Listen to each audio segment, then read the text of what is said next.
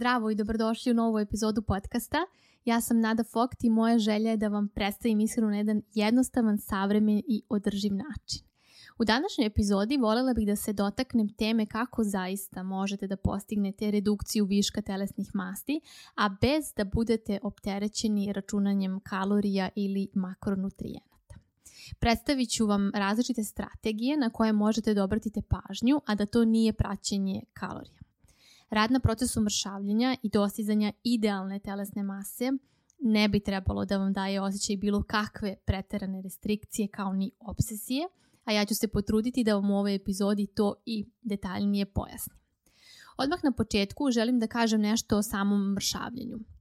Ja pod tim pojmom mislim na redukciju viška telesnih masti. Ako govorimo o masti u predelu stomaka, visceralnim mastima, one mogu biti problematične sa aspekta zdravlja, čak iako trenutno ne postoji određeno stanje, nije isključeno da će se isto razviti usled te abdominalne gojaznosti, ali isto tako ne želim da pričam o onoj drugoj krajnosti gde su žene opterećene i fiksirane nekim zamišljenim ciframa na vagi, zamišljenim idealom telesnih masti i sl. Ovde želim da govorim o idealnoj telesnoj masi, a to je ona sa kojom se ti osjećaš zdravo, kako fizički, tako i psihički. Naravno da manje kilograma znači lakši pokret, pokretnije telo, ali to manje kilograma možda ne mora da bude ta neka zamišljena cifra, već može biti neka realnija. Kada žene teže toj zamišljenoj cifri, često je to neka, upravo ta neka nerealna brojka koju da bi one održavale moraju jako mnogo da se muče i trude, a to onda već nije zdrav način života. Idealna telesna masa je to kada se ti sebi sviđaš kako izgledaš, i kada ne moraš da za taj isti izgled a, praviš neka posebna žrtvovanja u ishrani. Već da je održavanje te mase, te telesne mase za tebe na neki način lagodno. A, kada kažem lagodno, ne mislim ono što mnogi pomisle, aha, jedem šta god i kad god, već mislim jedem u skladu sa potrebama svog organizma. Iako se mnogi prestravljuju od ove ideje jedem u skladu, jer je za njih sklad prejedanje, Ovde mislimo o onom zdravorazumskom pristupu ishrani, gde nema zabrana niti restrikcija i gde se vodite svojim unutrašnjim signalima. U početku je to vrlo daleko i u nekoj magli, ali uz vežbu postajete zapravo pravi majstori a, raspoznavanja tih signala i a, verovanja istima. I hajde da sada samo kratko a, objasnimo a, taj proces a, mršavljenja, ta, to jest redukcije viška telesnih masti. Dakle, mi energiju koju dobijamo putem hrane i pića gledamo kroz kalorije.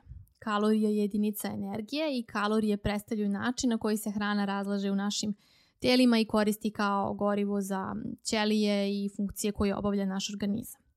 Najjednostavnije rečeno, da bi došlo do mršavljenja, potrebno je da postoji kalorijski deficit, što znači da unos kalorija mora da bude niži od potrošnje to jest da hranom i pićem unesemo manje energije nego što potrošimo za osnovne dnevne aktivnosti koje uključuju od rada organizma pa do nekih dodatnih fizičkih aktivnosti.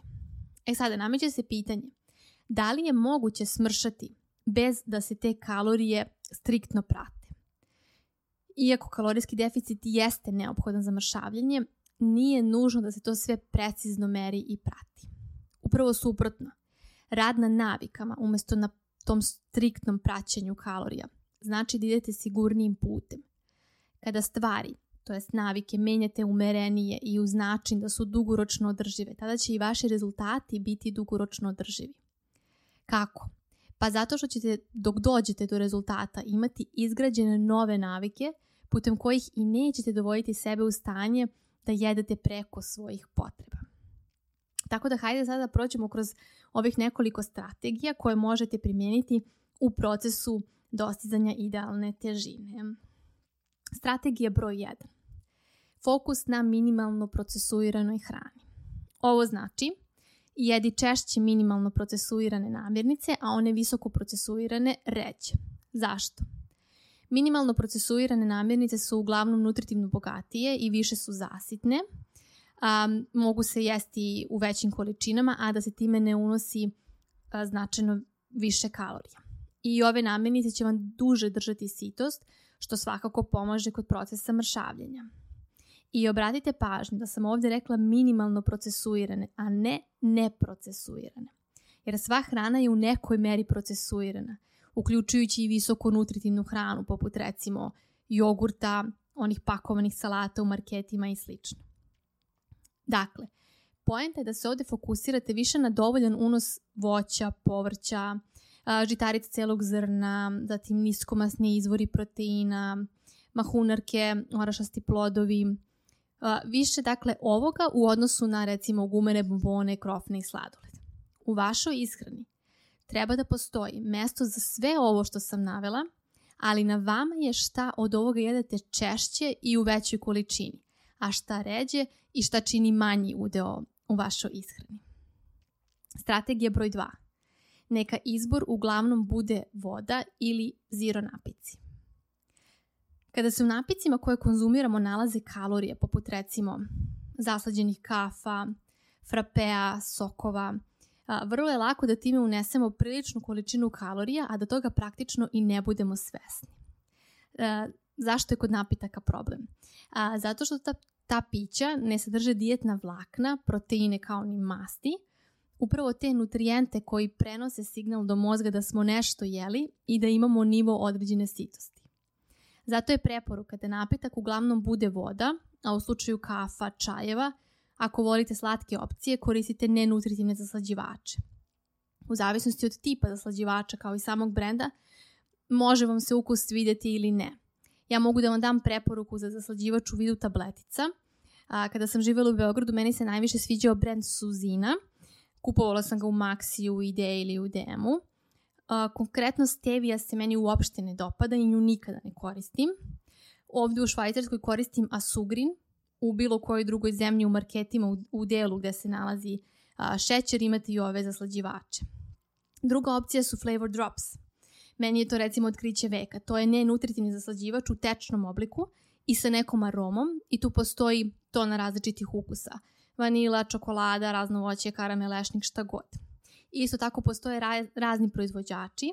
Meni se najviše sviđa My Protein, imaju nekako najprirodniju aromu i uh, isto ovdje u Švajcarskoj sviđa mi se uh, Lee Sport je brand.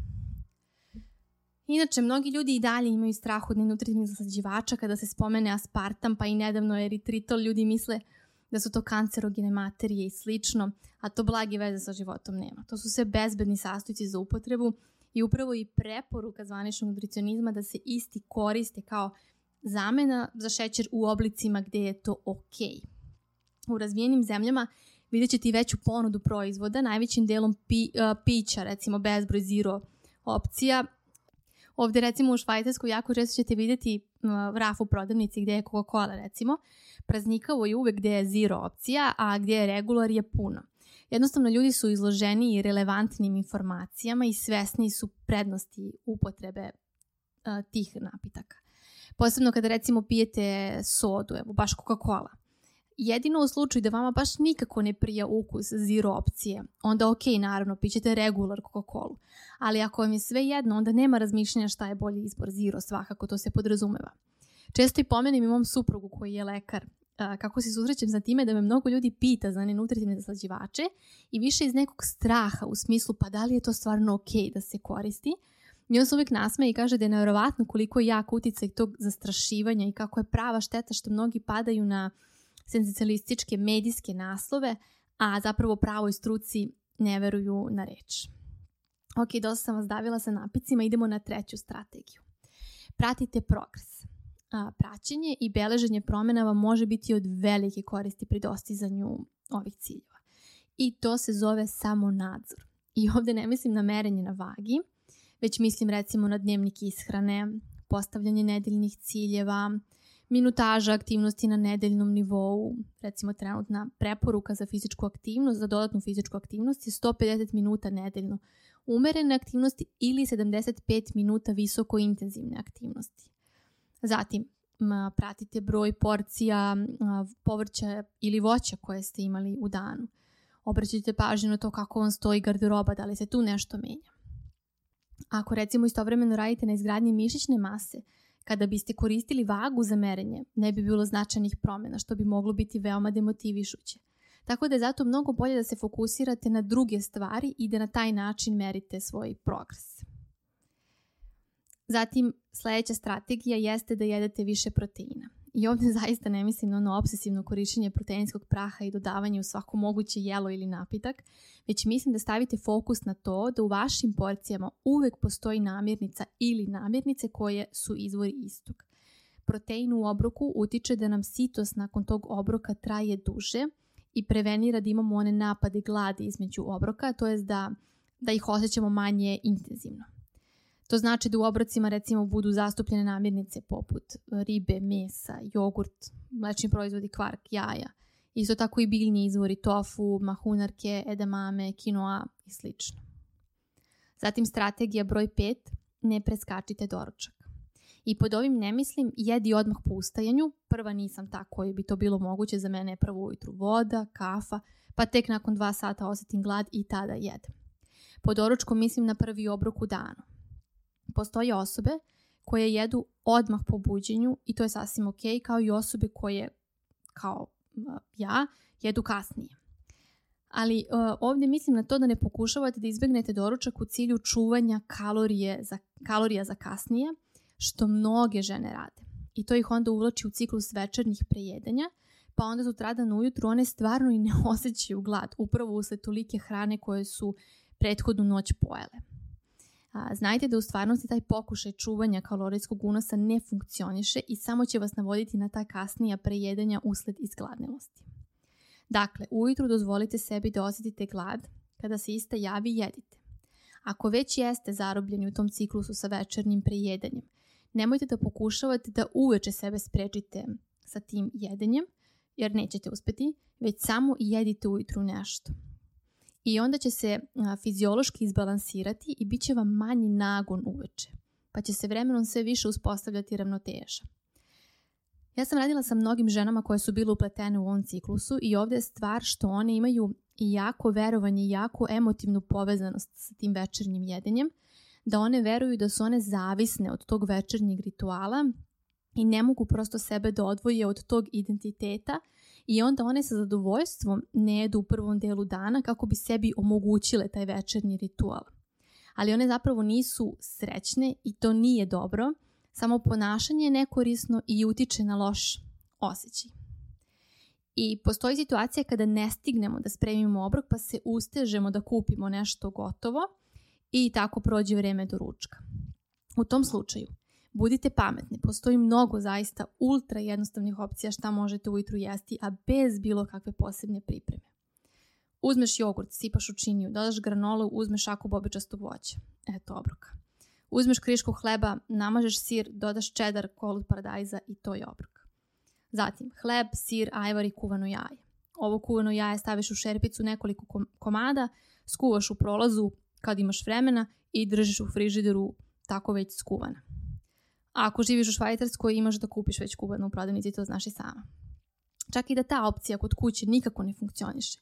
I u prodavnici se zaista može kupiti svašta da bude sasvim solidna opcija obroka, pa i u krajnjem slučaju običnu kiflu da pojedeš iz pekare bolje je nego da gladuješ jer nemaš nutritivno savršenu opciju. Počni sa kiflom, dodaj jogurt. Onda može, može recimo i cherry paradajz uz to i neka šunka ili sir. Sad ovdje lupetam, nabrajam, ali zaista postoji milion opcija. Ja sam recimo kada sam živjela u Beogradu imala te opcije, na primjer, ponesem kuvano jaje od kuće, čari paradajz u prodavnici kupim vitas hleb i neki jogurt. Kada baš kupujem samo u prodavnici, onda recimo kupim vitas hleb, kupim ementalerne listiće i čeri ili neko voće. Za užinu sam često recimo uzimala čokoladno mleko, bananu i bademe ili indijski orah. Dakle, stvarno budite kreativne i opuštenije u tim izborima i nemojte se ustručavati da to nekada bude i ona manje nutritivno kvalitetna opcija. Nema ništa loše da nekada pojedeš najobičniju belu kiflu ako tebi u tom trenutku to predstavlja zgodnu opciju i ako ti se to jede. U preostalom delu dana nadomestit ćeš ostalim obrocima nutrijente koje nisi dobila tom kiflom i tačka. Dakle, posmatraj svoj obrok kao deo više obroka, a ne kao pojedinačnu stvar koja će definisati tvoju celokupnu ishranu. Zatim dolazimo do tačke 6. Uključite dovoljno voća i povrća. Više voća i povrća znači više vitamina, minerala i antioksidanasa, ali isto tako znači i više dijetnih vlakana, vode i volumena. Povrće i voće dodaju volumen obrocima, a bez dodavanja velike količine kalorija, što mnogo pomaže osjećaju sitosti. Ali ovdje obratite pažnju da kada kažem više volumena, ne znači da treba da jedete samo hranu koja ima veliki volumen, jer za tu sitost, pored volumena, bitni su i proteini i ugljeni hidrati kao i masti. I tu je ono što vas velika salata bez ičega neće dugo držati sito. Osjećaj sitosti je rezultat nekoliko bioloških puteva u telu. Prvo na želudac je kao vid rezervoara u našem telu gdje prvo dospeva hrana i tečnost i on se zatim fizički širi. Šalje signal našem mozgu kada se taj rezervoar fizički puni. Pored signala fizičke punoći, punoći želuca, postoje receptori u našim tankim crevima koji također signaliziraju sitost. Ovi receptori se pokreću promjenom pH nivoa usled razloženih komponenti hrane kao što su masti i proteini i zbog toga fizičko punjenje samo salatom ili povrćem traje mnogo kraće nego kada jedemo balansirani obrok. Potrebna nam je prava hrana, to jest hranljive materije, da bismo izazvali sitost. Ovi receptori zatim izazivaju hormonsku reakciju koja nas na kraju dovodi do osjećaja zadovoljstva. To čini smanjenjem osjećaja zadovoljstva koje dobijamo od jela, zato je onih prvih nekoliko zalogaja hrane tako dobrog ukusa, ali kako prolazimo kroz obrok čini da se naviknemo i da nam onda taj obrok postaje manje ukusniji kasnije tokom jedinja nego što su to bili ti prvi zalogaj. Zatim strategija broj 7, stižemo do signala gladi i sitosti. Naše potrebe za energijom nisu iste svakim danom. Stvari poput fizičke aktivnosti, navika spavanja, pa i navika u ishrani kod žena period ciklusa. Sve to utiče na to kako osjećamo glad i koliko nam je energije zapravo potrebno. Kada uspostavimo dobar odnos pri slušanju ovih unutrašnjih signala, možemo sebi mnogo pomoći pri određivanju toga koliko jedemo. Ima dana kada smo više, kao i kada smo manje gladni i kada bismo se slepo vodili nekim zadatim planom, jednostavno bismo se odvojili od tih unutrašnjih signala. Ovi signali vam pomažu da jedete dovoljno, ali ne i previše i na taj način imate kontrolu, to jest fleksibilnost u odnosu na dati trenutak. I ovdje dolazimo do toga kada recimo imate mršavljenje kao cilj, kada jedete samo onda kada osjetite onu jaku neizdrživu glad. Vrlo je verovatno da ćete onda jesti preko osjećaja sitosti, što onda posljedično neće rezultirati u smanjenom kalorijskom unosu. Počnite od toga da identifikujete ove signale, da ih za početak raspoznajete. Možete pratiti skalu sitosti i gladi. Ako ste dugo godina na raznim dijetama i režimima, može se dogoditi da je za vas u ovom trenutku praktično nemoguće da bilo šta osjetite. Onda se to rešava tako što napravite sebi neki okvirni plan. Recimo, doručak će mi biti u periodu između 7 i 10, zatim naredne obroke ću imati svaki, na svakih 4 do 5 sati, a, servirat ću sebi porciju onoga što bih inače jela, ali dozvolit ću sebi da jedem svesnije, tako što ću kada budem na pola porcije zastati i razmisliti koliko sam sita, zatim ću zastati na tri četvrtine porcije, pa ako mi se učini da jesam sita, ostavit ću porciju na tanjiru, jer ne moram da pojedem sve iz tanjira ukoliko gladne osjećam. Ovaj deo sa signalima je najteža stvar i zato i jeste korisno kada radite direktno sa mnom u programu jer vas ja vodim i pomaže vam da lakše uvidite i budete sigurniji u te svoje signale, pa onda vremenom zaista se možete 100% osloniti na iste. Zatim strategija broj 8. Pronađite načine da budete više u pokretu. I ovdje ne mislim učlanite se u obližnji fitness centar i idite da vežbate jer je to sada trend. Ovdje mislim na povećanje ukupnog dnevnog pokreta pre svega, a onda dodatno i još neka dodatna fizička aktivnost. Iako je zamršavanje ključan taj kalorijski deficit kroz unos hrane, dosta je korisno da budete i više u pokretu jer i to stvara neku potrošnju energije. Ali ovdje vodite računa da se ne upletete u zamku vežbanja radi mršavljenja, već više posmatrate to kao a, na nešto što možete da uvedete kao svoju trajnu naviku. Zato je od ključne važnosti da ne radite nešto jer tako treba ili je to trend, već to stvarno bude nešto u čemu vi uživate, nešto što vama prija. Prvi korak je da uvedete više pokreta, što znači kada god ste u prilici, dajte prednost nogama u odnosu na transport. Pokretne stepenice, vi koristite obične stepenice. Umesto lifta idite peške. Zatim gdje god možete da smanjite prevoz u vidu auta ili gradskog prevoza. To su tako male i sitne stvari, a čine tako veliku razliku dugoročno gledano. Onda kasnije dodate tu neku konkretnu aktivnost u vidu treninga. To može biti samo šetnja u kraju svaki dan, može trčanje, može čas plesa, plivanje, pilates, fitness, apsolutno šta god. Tri puta nedeljno koji god vid aktivnosti da odaberete je idealnije od nerađenja ničega jer vas mrzi da idete na trening koji suštinski ne volite. Zatim strategija broj 9. Radite na svom odnosu prema hrani. Loš odnos prema hrani vas vodi ka prejedanju, inkonzistentnim rezultatima i uopšte mentalnom zamoru. A sve to stoji na putu kao prepreka zdravom načinu života pa naravno i samom mršavljenju. Sa druge strane, zdrav odnos prema hrani obećava vam konzistentnost, oslobađate se sve ili ništa načina razmišljanja kada je u pitanju ishrana i oslobađate se ciklus restrikcija i prejedanja. I upravo ovaj zdrav odnos prema hrani će vam pomoći da imate trajno održivi rezultat željene kilaže, što podrazumeva da ne smete da žrtvujete svoje psihičko zdravlje radi neke idealne telesne forme u smislu da pravite sebi neke sulude i stroge zabrane samo da biste imali tu neku željenu formu. To nije zdravo. Morate pronaći balans između svih ovih aspekata. I ako u nekom trenutku osetite da vas ciljevi koje ste postavili zarad mršavljenja čini da se osjećate loše, bilo psihički ili fizički, znajte da je to pravi signal da nešto treba da, da menjate. Zatim strategija broj 10, jedite svesno. Možda je neko od vas sada prevrnuo očima i misli ja više to svesno jedenje, ali zaista je važno. Kada niste svesni, to jest mentalno prisutni činu jedenja, nećete ni moći da osjetite signal sitosti a to znači nemogućnost mršavljenja. Ako sedite ispred ekrana i pratite sadržaj, vi automatski ignorišete unutrašnje signale jer ne možete da imate ujedno svest o istima ako vam je pažnja usmerena ne, na nešto drugo i automatski jedete više, što znači niste u deficitu. Ovde se često a, može pronaći savjet da vam neko kaže za ta večernja, recimo grickanja ispred TV-a, zamenite sa nekim manje kaloričnim opcijama. I tu je velika greška. Jer nije stvar da jedete bolji izbor, stvar je da se dve radnje odvoje jedna od druge. Dakle, radnja gledanja u ekran od radnje jedenja. Naravno da ćete nekada u društvu imati recimo pizza veče uz film i da, će, da ćete uživati u tome i da nećete reći eh, čekaj da ja prvo pojedem picu pa ćemo onda gledamo film. Ovo su redke situacije, reće situacije.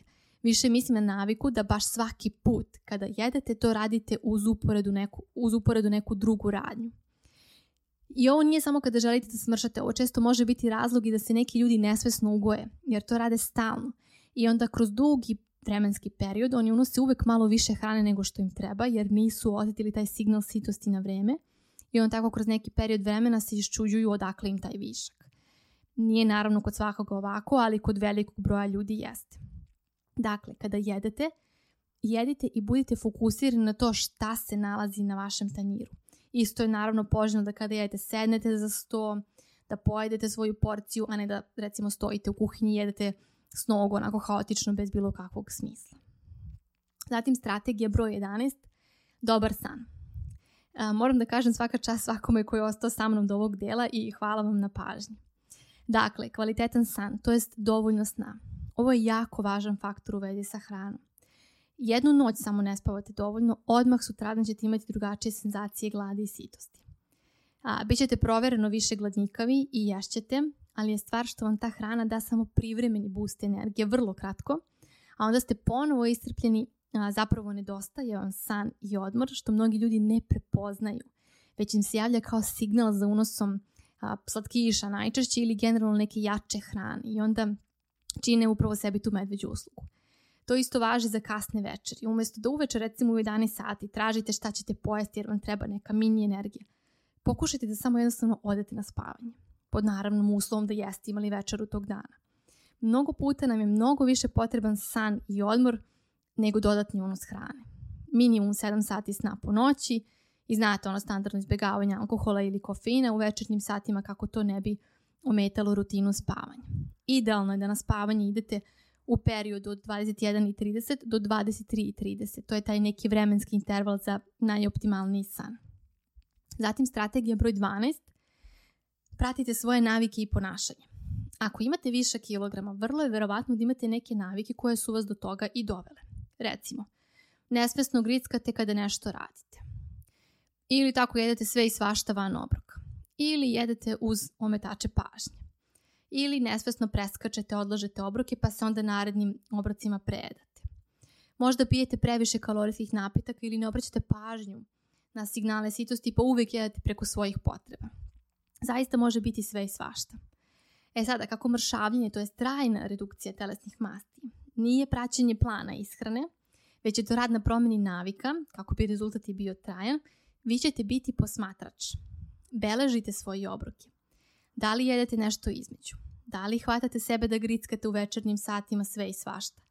A, vodite računa koliko spavate? Da li se vodite nekim eksternim pravilima, recimo jedete po nekim zadatim satnicama ili uh, jedete kada se zapravo gladni? Da li recimo imate naviku da jedete hranu kada vam je neko servira ispred vas, bez obzira da li jeste ili niste gladni? I tako, to su sve detalji koje možete beležiti i uviđati šta od toga a, može da se menja da bude više u vašu korist. Najčešće kod većine ljudi to budu neka nesvesna po navici grickanja između obroka, jedenje kada nam je dosadno ili jedenje kada nam neko stavi hranu ispred nas. Obratite pažnju tako što ćete pre nego što posegnete za tom hranom, samo zastanite i zapitajte sebe. Da li sam gladna? Da li mi je ovo potrebno? i kako ću se osjećati nakon toga što ovo budem pojela. Ovde može biti odgovor recimo, ja sam gladna sam, potrebna mi je energija i osjećat ću se dobro nakon jedenja ovog. Ali isto tako odgovor može biti, pa nisam baš sigurna da osjećam glad, verovatno mi nije potrebno da ovo pojedem, ako to budem pojela osjećat ću se možda punog stomaka ili ću samo biti nezadovoljna jer nisam jela zbog gladi, nego eto samo zato što je ta hrana a, bila ispred mene. Opet ovde navodim neke banalne primere, ali cilj mi je da vam što više dočaram i slikovitije objasnim. Zatim strategija broj 13.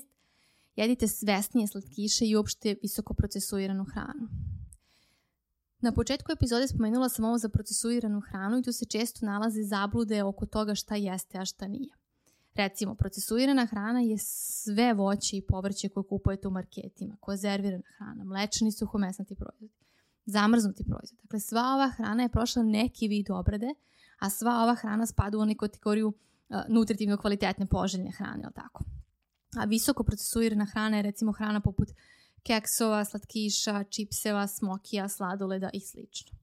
Dakle, svesnije jedenje slatkiša, čipseva, kolača, sladoleda, torti.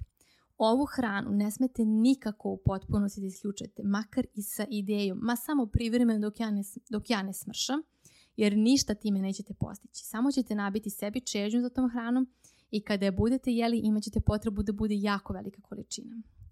Bitna stvar je da gradite odnos prema ovoj hrani od samog početka i da gradite odnos poverenja prema sebi.